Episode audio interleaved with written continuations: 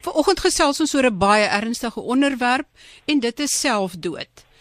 Elke dag sterf 18 mense in Suid-Afrika aan hulle eie hand. Is al die gevalle van selfdood voorkombaar?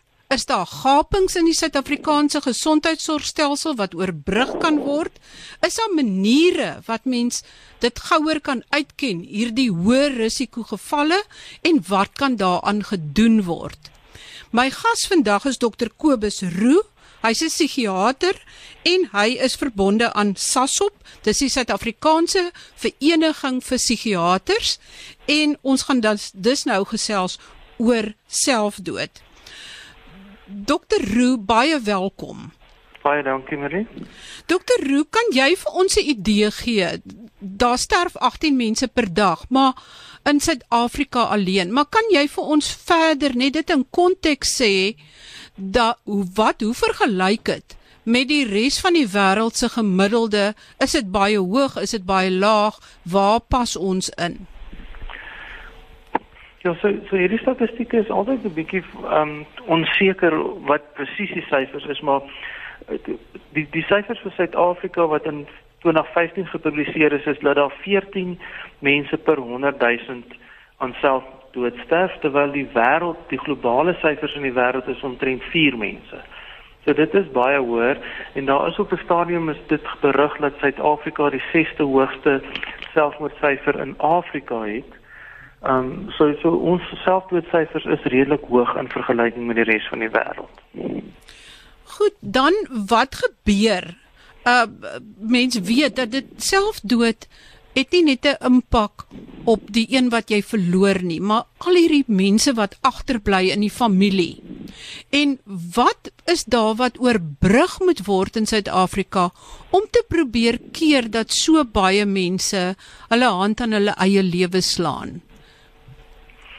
Ja, so ek dink um, wat wat ons sê is daar's ek dink daar's drie plekke waar mense moet gaan kyk om selfmoord te probeer voorkom. Die eerste plek is mense wat op hierdie stadium selfmoordgedagtes het of 'n akute selfmoordideasie het. Die groot ding is dat baie hulle sê omtrent 80% van mense wat wat in hulle koppe het om selfmoord te pleeg wil dit nie regtig doen nie en as jy hulle op daai stadium hulle is ambivalent daaroor en as jy op hulle op daai stadium kan help en en en oor dit praat dan dan gaan hulle 2 dae later bly wees hulle het dit nie gedoen nie. In daai opsig het Suid-Afrika eintlik goeie sisteme in plek want mense kan lifeline bel, hulle kan SADC bel, daar's klomp um vrywillige organisasies wat help om mense uit daai onmiddellike gevaar weg te trek. Die die die probleem is dan die opvolg na dit. So mense wat al vorige self oor pogings gehad het of dit ernstig oorweeg het, hulle is 'n baie groter risiko om herhaalde pogings te hê. En en dit is Dit is in daai geval waar mens moet opvolg met mense wat hoë risiko het waar ons gesondheidstelsel 'n bietjie bietjie agterraak. En dit is om mense met angsversteurings, mense met depressie ordentlik te behandel en op te volg. En selfs mense wat al 'n vorige selfmoordpoging gehad het aan te op te volg en te hoor gaan dit nog goed met jou? Kom gesels met iemand as jy hulp nodig het.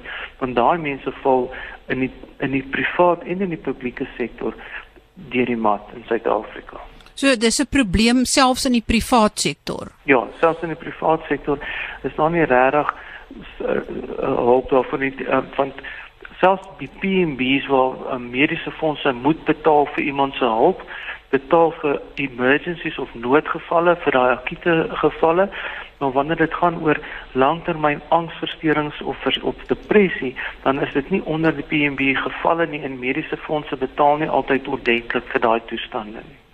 Maar hoe kan die mediese fondse betaal vir diabetes maar nie vir depressie nie?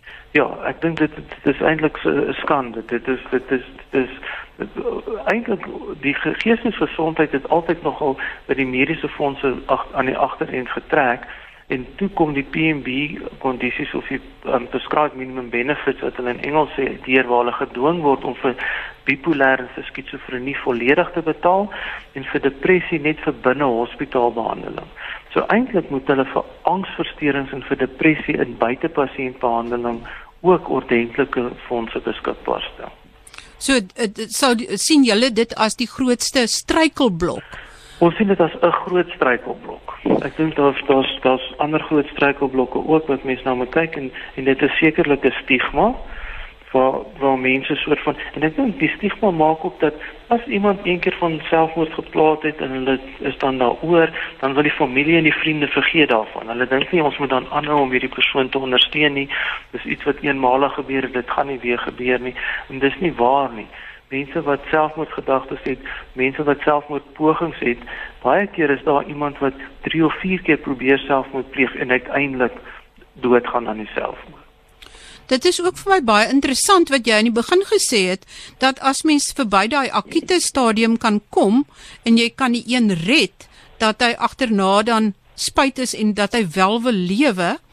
En ek dink hierso aan van die mense pasiënte wat in ander lande nou gesigsoorplantings gehad het, is baie van hulle is mense wat selfmoord probeer pleeg deur hulle sê maar in hulle gesig te skiet of hulle wou hulle self doodskiet en dan veg hulle agterna eintlik en hulle sit alles in die stryd om wel te lewe wat jou stelling 100% bewys. Ja, nee, ja, so ek dink dit is dit is 'n aanvaarde feit dat dat mense dat daar en en ek dink as ons praat van selfmoord dan is daar twee goed wat mense moet onderskei van mekaar. Die een is die sogenaamde en dit is 'n debat oor euthanasia of genadedood dat daar sekere mense is wat so siek is dat hulle nie meer kans sien om te lewe nie, hulle is terminale kankerleiers. Dit is 'n ander debat as mense wat skielik uh, selfmoordgedagtes het omdat dit op hierdie stadium met hulle sleg gaan. Of dat hulle nou aan depressie ly en hulle verskriklike negatiewe gedagtes, hulle sien nie uitkoms nie. Maar die oomblik wat jy oor die akute fase is en hulle terugkyk dan dan besef hulle nee, maar daar's baie ander goeders wat ons kon doen. Dit is nie so 'n moedelose situasie nie. En dan is hulle vir hulle nie meer selfmoord pleeg. Is van hierdie pasiënte wat uh, selfmoord pleeg, is die meeste van hulle wel op medikasie, maar die medikasie is nie sterk genoeg of goed genoeg nie of effektief genoeg nie of is hulle glad nog nie op medikasie nie. Ja, ek ek weet ongelukkig nie van presiese syfers nie, maar ek dink albei gevalle is waar. Ek dink daar is mense wat op medikasie is wat dan sieker word en dan nie onmiddellik besef wat aangaan nie en dan nie hulp kry nie. En daar daar's ook baie mense wat kroniese siektes het. En dis nie net psigiatriese siektes nie. Dis kroniese mediese siektes soos diabetes, reumatiek, kroniese pyn. Mense wat aan kroniese siektes ly wat elke dag lyding het, raak baie keer net moedeloos. En dan dink hulle aan selfmoord. En dan is dit ook vir 2 of 3 dae wat hulle hoë risiko is vir selfmoord. En as jy hulle in daai 2 of 3 dae help dan gaan hulle oor dit en dan hou hulle siekte aan maar hulle uh, is nie meer so erg self selfmoordgedagtes nie. Maar dan is daar baie mense wat nie behandeling kry nie en wat nie met mense praat nie en wat dit nie wat dink is nie ernstig nie of wat hoop die gedagtes gaan weggaan en en hulle het ook eintlik die hulp nodig. Goed, so uh, is daar sekere hoe ken julle hoë risiko gevalle uit? Is daar 'n manier om dit goed uit te ken of waarop mens moet let? OK. So so ek dink dit is ook een ding daar's baie studies al gedoen waar mense sê kan ons voorspel dat iemand gaan selfmoord probeer pleeg. En daar's regtig retrospek is eintlik die beste manier om te sien dat daar risiko's was. So dis baie moeilik om te weet spesifiek gaan iemand selfmoord pleeg of nie, maar daar is sekere goed wat hoë risiko gevalle is en ek dink as iemand 'n hoë risiko geval is, moet jy dit altyd ernstig opneem. So mense wat praat van selfmoord. Ek dink dis die hoogste risiko want as daai gedagte al in jou kop begin opkom het en jy dit al begin oorweeg, dan is jy baie nader aan om dit te doen. En veral mense wat 'n spesifieke plan in hulle kop al het. Ek wil dit of dit of dit doen. Of mense wat begin pille wegsteek of messe regkry of goeders regkry of 'n pype in die graadsberg of 'n tou in die graadsberg. Ek meen dit is 'n baie hoë risiko. Dan mense wat al 'n vorige poging gehad het wat weer by 'n punt kom waar hulle moedeloos is, is ook 'n verhoogde risiko. En dan dit is wat jy sê die die effek wat iemand se dood op ander mense het want as jy 'n naby familielid of 'n baie goeie vriend het wat selfmoord gepleeg het, dan is jou risiko om dit ook te doen baie hoër as ander mense se. So mense moet absoluut bedag wees en die familie en die vriende om hierdie persoon moet absoluut bedag wees op hierdie tekens en nooit 'n gedagte of as hy praat van selfmoord dit afmaak as nee wat is sommer net praatjies nie. Ja, ja, ek dink dis die belangrikste dat jy nooit dat jy dit elke keer ernstig opneem. En net ek, elke keer iets daaromtrent doen. Ek het verstaan dat uh, mense wat bipolêr is waar dit met ander woorde waar die gemoed in siklusse is, weet wat jy jou gemoed baie keer goed is en, en jy tevrede voel met die lewe of op 'n high is party mense en dan weer in die donker dieptes ingaan. Dat dit dat daar sekere tye in daai siklusse is wat jou gemoed baie laag is, maar jou energievlakke is hoog en dat daai dat jy op daai stadium van jou siklus eintlik 'n hoër risiko het om selfmoord te pleeg bloot omdat jy die energie het om dit te doen. Is dit so of is dit ja, net 'n mite? Nee, nee, daar sit waarheid in daai stelling. En die teenoorgestelde is ook waar dat mense wat erge depressie het, die oomblik wat hulle begin beter word, wat dit dit lyk of hulle meer energie het en meer goeders begin doen, dan is hulle selfmoordrisiko eintlik ook hoër as wanneer hulle geen energie het nie want dan het jy nog steeds daai gedagtes, jy het nog steeds die planne, maar nou het jy skielik energie om iets daaroor te doen. Was so dit Dit is 'n dit bring 'n baie gevaarlike punt uit dat dat mense wat begin met behandeling as jy um, na 'n dokter toe gaan of by iemand begin, baie kere as iemand selfmoordgedagtes het en ons behandel hulle depressie, neem ons hulle eerder in die hospitaal op. Want ons weet daai eerste 2 weke rondom die begin van behandeling waar jy begin beter word is jou ook 'n groot risiko vir selfmoord omdat omdat jou energie nou hoër raak en jy dan die die kans sien om dit te doen. Is dit ook hoekom die antidepressante dikwels so die dosis so vreeslik stadig verhoog word en dat jy met 'n baie lae dosis begin en dit baie geleidelik hoër maak? Ja, daar daar's daar's 'n paar redes hoekom ons dit doen. Een rede kan wees om dit stadig te doen om te sien wat gebeur. 'n Ander rede is baie keer as mens te vinnig met 'n antidepressant begin, kan jy iemand geïrriteerd of manies maak of jy kan sy angs verhoog wat hom eintlik sieker maak. So daar's altyd 'n gevaar selfs om antidepressante te begin. So dis baie belangrik om dit om dit geleidelik te doen. En, en onder is, toesig, dis die belangrikste ding dat as as jy dit begin doen dat daar 'n dokter is wat jou gereeld sien en opvolg en kyk hoe gaan dit. En as jy ehm um, uh in in as jy antidepressante neem, dan is dit ook nie 'n kwessie van 3 weke of 4 weke nie. Dit is dan 'n kwessie van 6 maande of 'n jaar of 2 jaar om jou brein weer kans te gee om te kyk of hy weer voldoende kan funksioneer sonder hulp. Is ja, ek dink dit is 'n belangrike ding dat mense besef dat enige psigiatriese siekte soos soos bipolêr of depressie of selfs 'n angsversteuring is 'n kroniese siekte. Kroniese siektes soos diabetes of asma of epilepsie, jy behandel iemand ten minste vir 2 jaar en baie mense moet lewenslank op behandeling bly. Ja. Kan jy miskien net kortliks verduidelik met 'n uh, major depressie. Met ander woorde waar die een depressief kan raak wat nou nie bipolêr is nie. Wat gebeur in die brein en wat probeer mens regstel met die medikasie? Ja, so so so so ek dink dat jy weet dat daar sekere programme is in in Amerika en in Europa sit hulle biljoene rande in navorsing om te weet presies hoe die brein werk. So ons weet nog nie presies hoe die brein werk nie. Die naaste wat ons nou al aan depressie gekom het is om twee goed te identifiseer. Een is inflammasie in die brein dat die, dat dit 'n inflammatoriese siekte waarskynlik is net soos ander neurologiese siektes soos Parkinson's of Alzheimer's of so iets. En die ander ding is dat ons praat van die neurotransmittore wat serotonien, dopamien en noradrenalien is. En ons voel dat dat daai neurotransmitters daar's te lae vlakke daarvan in die brein of hulle werk nie goed genoeg nie en ons probeer die werking van daai neurotransmitters verbeter sodat jou brein wakkerder is en beter kan werk. Maar dit is nie die die die terapie soos die uh, hulle noem dit sommer kortliks SSRI's selektiewe serotonien ja. her op opnameremmers so dit ja. verhoog die serotonien in die brein. Ja, dit is nie asof dit addisionele serotonien gee nie. Dit help net die brein om sy normale funksie beter te doen. Ja, ja. Want want serotonien word ook afgebreek in die brein en, en dit is 'n dam. As jy as jy 'n rivier het, vloei al die water in die rivier weg, maar as jy 'n dam wil gooi, dan dam jy dit op daar in die plek waar jy dit wil laat gebeur. So die serotonien word vinnig afgebreek en dan is daar min serotonien beskikbaar.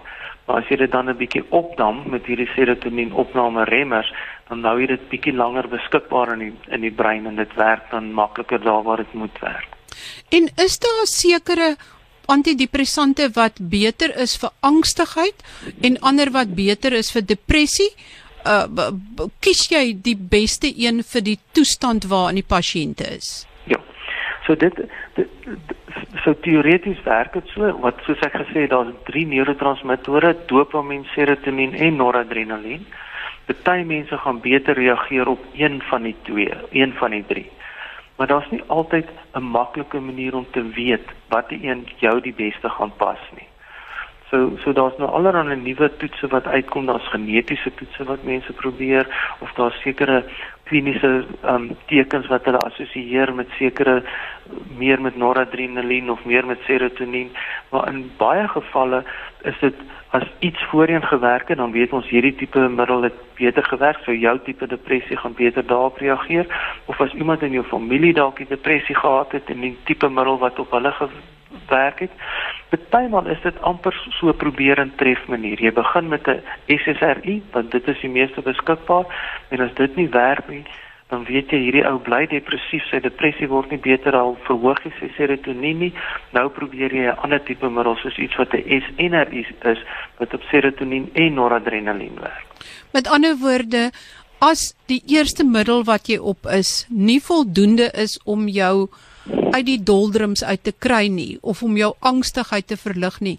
Moenie dit net stop nie. Gaan terug na jou dokter toe want daar's dalk 'n ander middel wat dalk kan help. Ja. Nee, definitief en en ek dink dit is mense doen dit al klaar met asma of met bloeddruk. As die een bloeddrukpil nie werk nie, dan gee die dokter 'n ander een of hy sit iets by. So so mense moet net onthou dat as jy aanvanklik siek word dan weet ons daar's 'n fout met jou maar ons weet nog nie presies wat die meganismes is en hoe dit werk nie. Dit vat 'n rukkie om 'n kroniese siekte te onder beheer te kry. En as dit eers onder beheer is dan moet jy aanhou met daai behandeling om dit onder beheer te hou. Dan wil ek net vinnig uitkom by bipolêre uh, gemoedsteurnis um, ek het al verskeie vriende wat se ek wil amper sê hulle jong kinders, tieners, jong mense wat agterna gediagnoseer word met bipolêr, maar hulle self medikeer deur eh, dagga te rook of om een of ander middel te neem om hulle meer normaal te laat voel, veral in die maniese fases wat hulle amper dink hulle is Moses of Jesus of weet hulle kan die wêreld oorwin met alles. Is uh, hoe gevaarlik is dit vir vir mense met bipolêr om nie op die regte behandeling te wees nie? Nee, okay, so dis baie gevaarlik. En selfmedikasie is 'n baie ernstige probleem veral in in geestesiektes of psigiatriese versteurings. En baie mense wat angstig is, selfmedikeer sonder dat hulle dit eers weet met af met alkohol elke keer wat hulle uitgaan na 'n partytjie toe dan drink hulle eers vinnig 2 of 3 glasies alkohol om hulle self te laat ontspan en dan voel hulle hulle funksioneer beter maar eintlik onderdruk dit die angstigheid baie kort en dan die oomblik wat die middel uitwerk dan sien meer angstig want dit is dis 'n reaksie wat jy daarop het so baie mense kompliseer hulle psigiatriese siekte met selfmedikasie want want die die dagga wat jy rook of die middels wat jy gebruik is eintlik ook sleg vir jou brein en veroorsaak erger skade en dit dit is dit, jy kan verslaaf raak aan die middels en dan die twee siektes wat jy mee sit op jou hou. En is die risiko dan vir diegene neem ek aan vir selfdood is selfs nog hoër? Ja, baie hoër. En ek dink dit is 'n belangrike ding. So ek dink daar daar's al baie gepraat oor mense wat sê ja, maar hulle gebruik dagga byvoorbeeld vir allerlei siektes en vir dit en vir dat. Maar ek dink die een ding wat ons weet dat mense wat aan 'n psigiatriese siekte of 'n siekte van die brein ly, vir hulle is dagga 'n gevaarlike ding en hulle moet wegbly daarvan. Dieselfde vir alkohol. Alkohol is net so gevaarlik soos mense wat aan depressie ly of bipolêr ly. En as mens kyk na die behandeling vir bipolêre gemoedstoornis, is dit effektief? Hoe effektief is dit om daai gemoedstoornisse en siklusse te onder beheer te kry? So, ehm um, ek dink mense dink altyd die psigiatriese um, behandelings is nie so effektief nie want daar's nie 'n toets wat ons kan doen om te sê dis hierdie bloedvlakke en nou sê beter nie maar maar as mens kyk na die responsryk dan is 'n behandeling van psigiatriese siektes eintlik baie goed.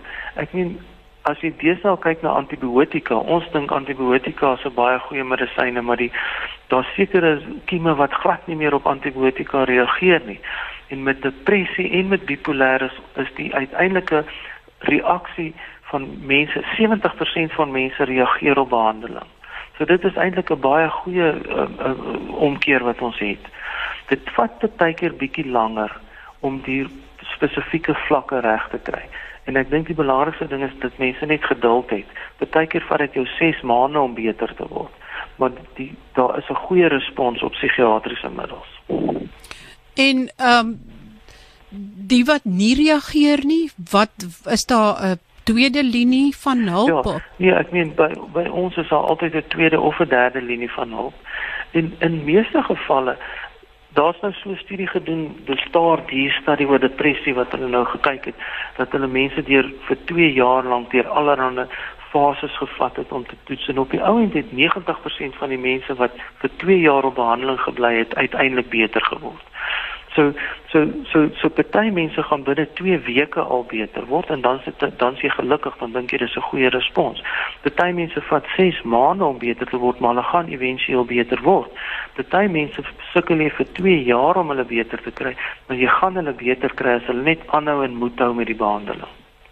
En dit is dan die ding, so as jy pille later nie werk vir depressie nie, dan kan ons altyd 'n um, EKB of elektriese skokbehandeling probeer. So daar's allerlei ander middels wat ons ook kan doen en uiteindelik die meeste mense reageer op die ount op behandeling. Maar die skokbehandeling is nie soos in die dae van one flu over the cuckoo's ja. nest nie. Nee, dit glad nie meer so net. Hier is daar mense kan op die mense kan nou gaan kyk, daar's video's wat deur die American Psychiatric Association opgestel is API wat jy kan sien hoe iemand EKB kry. Dit word onder narkose gedoen. Dit is 'n prosedure wat eintlik baie veiliger is as om tande te trek. So jy word vir 5 minute onder narkose gesit. Jy kry die behandeling in jou brein, maar jy lê daar en slaap die hele tyd. Goed. Ehm um, Ek sien ook dat SASOP het 'n bedoene beroep op administrateurs en verskaffers van gesondheidsorg om die selfdoodrisiko beter te bestuur en vir voorkoming.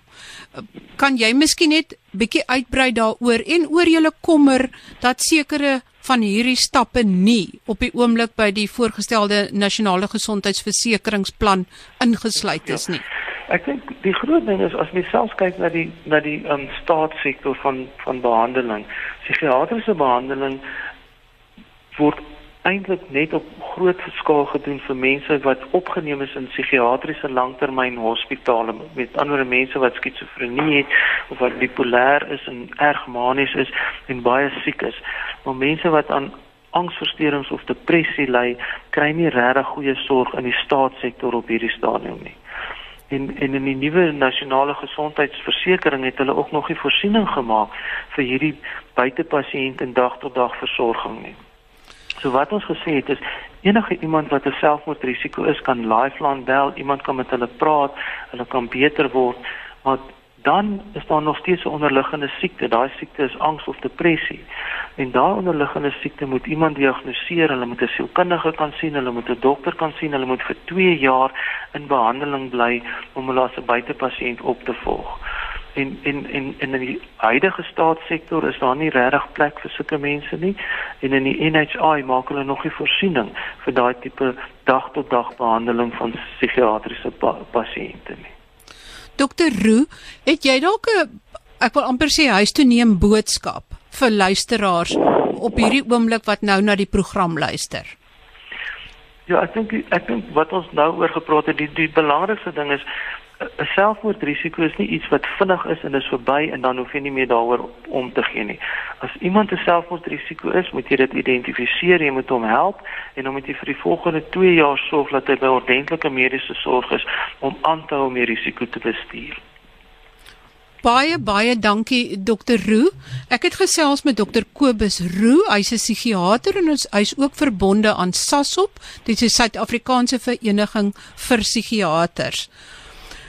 Baie dankie. Ek gaan gou die nommers gee van Lifeline en dit is 0861 322 322 en ook die nommer van die Suid-Afrikaanse Depressie en Angsgroep SADAG en hulle nommer is 0800 567 567 dit is as vir akute hulp maar asseblief as jy as jy deur hierdie noodsituasie gehelp is maak seker dat jy verdere hulp kry en opgevolg word by 'n goeie psigiater en voldoende medikasie kry ons gesels volgende week oor kaakgesig in mondchirurgie. Wat is nie daarin?